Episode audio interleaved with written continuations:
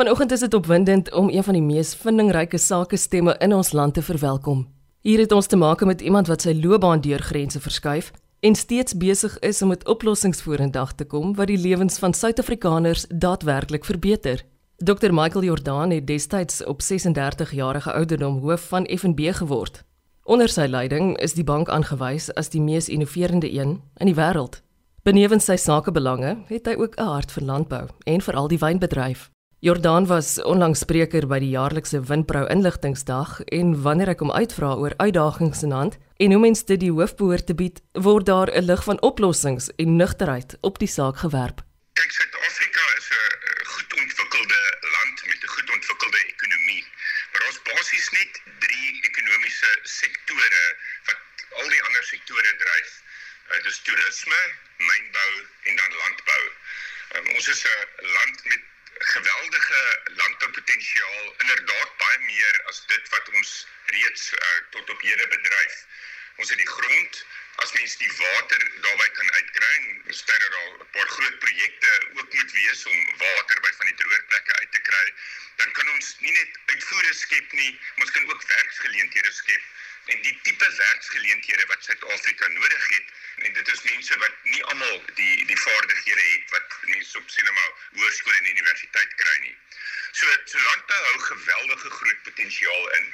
Maar soos ons weet word dit gekniehalter en dit word gekniehalter deur klomp dinge. Transport is baie moeilik, die hawens is moeilik, daar's nie uitvoerbevordering nie en Eskom is besig om almal seer te maak. Maar die kern van my boodskap was dat mense kan realisties wees oor al die moeilike dinge wat gebeur en nogtans sien ek oral entrepreneurs wat besig is om die uitdagings aan te pak en goed te doen met hulle besighede en dit sluit definitief die landbou en boere in. Michael, kom ons praat vir 'n oomblik oor die energiekrisis wat boere tans hoofbrekens gee.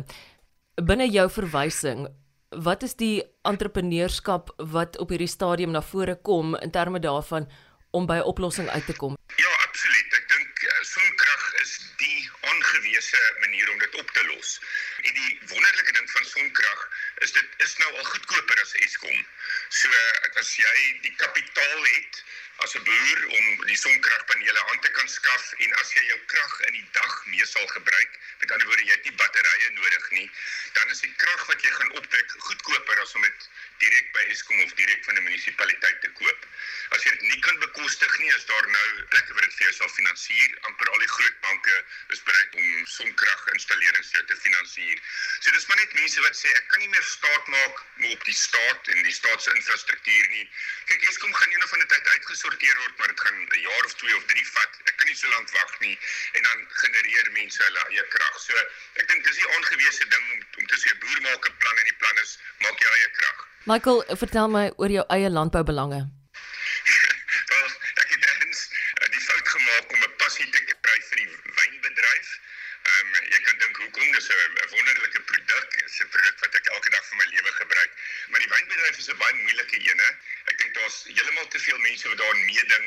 Ek wil amper sê vir die verkeerde redes nie. En die verkeerde redes is wanneer dit nie oor kontantvloei gaan nie, maar dit gaan oor die passie van 'n produk, dit gaan oor 'n lewenstyl ensovoorts.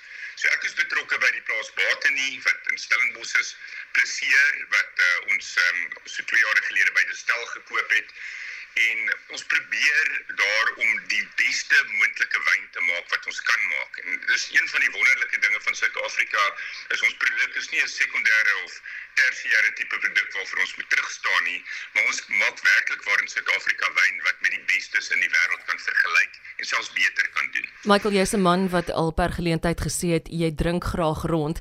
Ek hou baie daarvan en as 'n mens, jy weet, in Suid-Afrika is dan is die geleenthede daarvoor legio. Kom ons kyk terug op die afgelope oesjaar. Wat het veral vir jou uitgestaan? Ek ek ek, ek wil nou nie te veel sê oor krag nie, maar dit is definitief ene wat jy, jy moet voorsiening maak vir veral as jy nou in die wynbedryf is. Dit gaan nie net oor om die wyn te oes nie. Jy moet reg wees om dit te kan verkoel, om dit te kan pars, om dit te kan pomp. So so krag is by verre die die die mees belangrikste ding wat 'n wat 'n impak daarop gehad het. En dis dis alles ekstern. Boon dit sien ons dat die hele wynbedryf eintlik besig is om in terme van area kleiner te word Jy weet ons was op 'n stadium 100 000 hektaar, maar ons het nou onder dit gekom en is nie 90 000. Maar die tonne maat wat geproduseer word, hou nog steeds by. En dit is 'n funksie daarvan dat mense nuwe wingerdstokke plant wat wat 'n groter draagkrag het. So ons is nog besig om te hou by die die kapasiteit wat ons skep.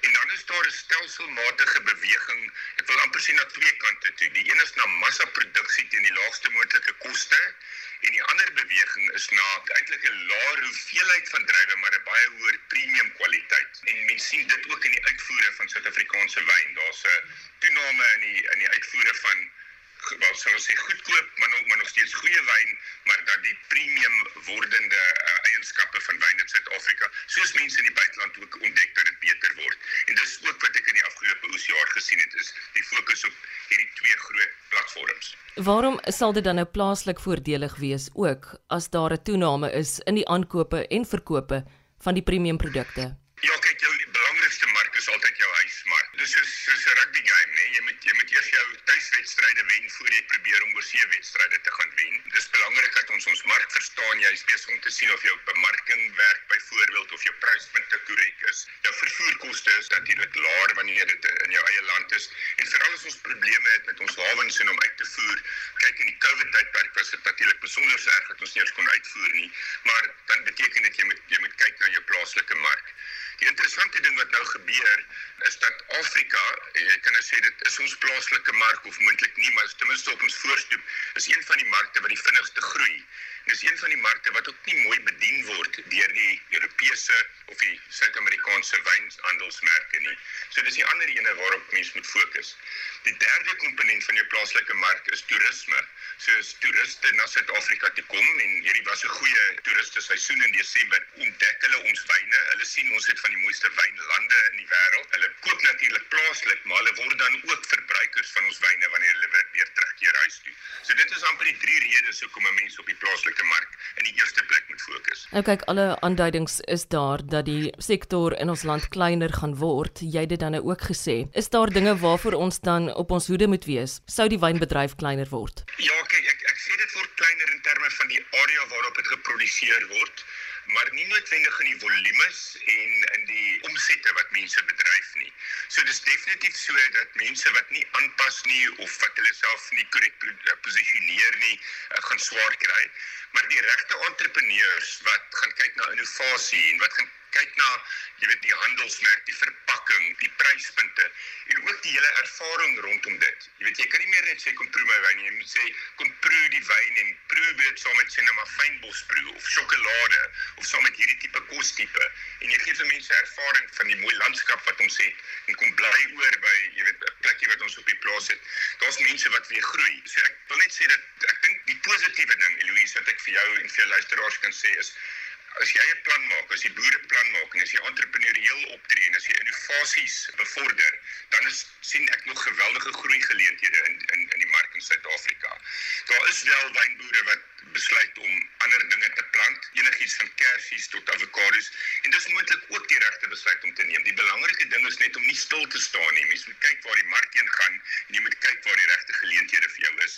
En daar gaan altyd mense wees, entrepreneurs in die in die landboubedryf wat gaan goed doen in Suid-Afrika. Mense dink altyd aan die Wes-Kaap as dit kom by Suid-Afrikaanse wyne. Tog is dit so dat daar aller ongelooflike Sauvignon Blancs ook gemaak word in areas in KwaZulu-Natal. Ja, jy's reg. Kyk, as as iemand wat uit die Kaap uitkom, verkies ek natuurlik die Kaapse wyne, maar Suid-Afrikaner moet ek sê, dit is wonderlik dat mense eksperimenteer. Jy weet daar word wyne nou gemaak in die Klein Karoo en in die Swartland wat uitstekend is en en dit is ook baie goeie bemarking. Mense wil dikwels iets nuuts probeer. So dit is alles deel van 'n van 'n groot eksperimentasieveld tog wat 'n goeie ding is, maar terselfdertyd uh, ou moet net nie te veel drome aan wyn koppel nie. Dis die een ding wat ek vir jou kan sê, want jy ding met baie mense mee wat dit wat dit doen nie altyd vir die regte winsredes nie, maar omdat omdat wyn so passievolle projek is. Michael, ons lewe in 'n tyd van 'n veranderende klimaat. Daar gaan ons nou nie kan verbykom nie. Wat sou jou raad wees aan wynprodusente in Suid-Afrika, dalk wêreldwyd? Wat is die dinge wat jy veral op hierdie stadium 'n oog op hou? So, in die eerste plek is daar geweldig baie wat mens in die wingerd kan doen om seker te maak jou druiwe gebruik nie te veel water nie. te doen met die variasies wat jy plant, met hoe jy snoei, met hoe jy dit laat groei. Daar's natuurlik ook 'n skool wat sê dat die wingerde moet swaar kry. Dis wanneer hulle swaar kry wanneer hulle die beste druiwe lewer. So daar's 'n saak te maak daarvoor definitief om water te gee in die eerste paar jaar wanneer jy aanplant, maar maar dan om jy weet tensy dit nou regtig sleg gaan om om nie te veel water te gee nie. So so so dis nie dis nie 'n oplossing nie. Die die ander ene is natuurlik om om 'n mooi berekende som te doen en te sê hoeveel grond het jy, hoeveel water het jy en wat is die optimale ding wat jy daarmee kan doen? En miskien is dit om nie met met druiwe te boer nie. Miskien is daar ander gewasse wat meer sou sin maak. En derdens is daar maar net die punt dat mens na alle prosesse meer moet kyk en sê waar vermors ek? Nee, vermors ek miskien water te veel water wanneer in in die kelder wanneer ek dit gebruik, kan ek miskien in die nag water gee wanneer jy weet 20% van water kan verdamp in in die dag en dan sal verskillende maniere van besproeiing. Jy weet jy kan net so van water spuit en dan weer is daar baie verdamping of jy kan drip besproeiing gebruik. So vir elke probleem is daar 'n oplossing. Dis weer eens wat my opgewonde maak oor die land. Ek weet ons het baie probleme. Ek weet ons kan vinger wys na ander mense wat dit moet oplos, maar ek sien ook baie mense wat die energie het en die passie het om self daai probleme op te los. So so dis my basiese uitgangspunt. Amper elke probleem kan self opgelos word en ek sien baie boere wat dit doen. Tot hoe mate affekteer die situasie in Oos-Europa plaaslike boere? Ek sê die enkele grootste ding in Oos-Europa en ek neem maar net verwys na Rusland wat die oorlog voer in die Oekraïne is dat insetkoste hoër raak. As ek een ding moet isoleer, dan sal dit nie olie wees nie, maar dit sal kunsstowwe en kunsmis wees. So ons boere sit met geweldige groot inflasie probleme wanneer dit by insetkoste kom. Arbeid het baie duurder geword met die minimumloon wat ingestel is en die arbeiders sukkel ook want hulle kos se inflasie het baie opgegaan. So jy weet daar's redes vir die hoër lone en dan is daar olie. Ek sê nou dis nie die oliepryse is nou waar dit aan die begin van die oorlog was so dat dan ten minste weer teruggekom. Maar die insetkoste van veral kunsmis tot begin gaan baie op en dan is daar voedseltekorte ook wat sin maak vir sekere boere om om te slaan van wat ook hulle produseer het dat dit vir die Oekraïne voorheen gedoen het byvoorbeeld om meer graan te produseer. So dis 'n baie baie dinamiese mark, maar ons is besig om aan te pas daarbey. Michael, dit is my ongelooflik om te sien wanneer mense nou gesels met jou persoonlik en mense het nou jou eie portefeulje op hierdie stadium iets wat jy bekyk. Jy doen werklik waar dinge waaroor jy passievol is. Dan weet jy Louise, ek, het dit nie eers besef nie of ek het dit moontlik nie so doelbewus gedoen nie, maar ek het eendag gekyk na my portefeulje van klein besighede waarna ek belê, want dit is wat ek nou deesdae doen, ek, ek belê in, in in besighede wat ek het toe gesien het daar is 'n goue lyn wat deur almal loop en dit is dat hulle almal probleme oplos waaroor ek omgee. Byvoorbeeld, daar's 'n besigheid wat help om elektroniese boeke vir skoolkinders en studente te gee. Nou dit help geweldig want dit is goedkoper om dit elektronies te doen, maar dit beteken ook wanneer daai skooliere hulle eerste dag op die skool is, dan is al hulle boeke reg en beskikbaar. Wat jy nie altyd kan doen met fisiese boeke nie. So dit los definitief 'n probleem op deur dit goedkoper en meer toeganklik te maak.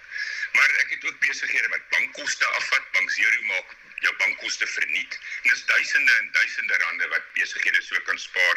Ek ehm um, het beleen Rein, Rein is die leier 5G, die 5de generasie van telekommunikasie. So dit gee baie vinniger data en dit gee onbeperkte data teen 'n baie redelike prys. Want as ons nie data het nie, as mense nie aan die internet kan aansluit nie, dan is ons nie deel van die wêreld nie. En so los mense dan probleem vir probleem op. Dit is my lekker as dit ook finansiëel uitwerk, maar ek moet sê, dis nou amper 'n sekondêre effek. Die primêre effek is probleemoplossing en dit is lekker om probleme op te los. Michael Jordan is 'n man wat graag gesels oor geleenthede, veral die wat gedurende uitdagende tye ontstaan. Dis soos altyd my voorreg om met mense wat landbou liefhet soos ek se wyshede met jou te deel. Al ons programme is ook beskikbaar op die webtuiste van RSG. Ek is Eloise Pretorius en ek wens jou 'n aangename Saterdagmiddag waar jy jou ook al mag bevind in die mooi land van ons. Totsiens.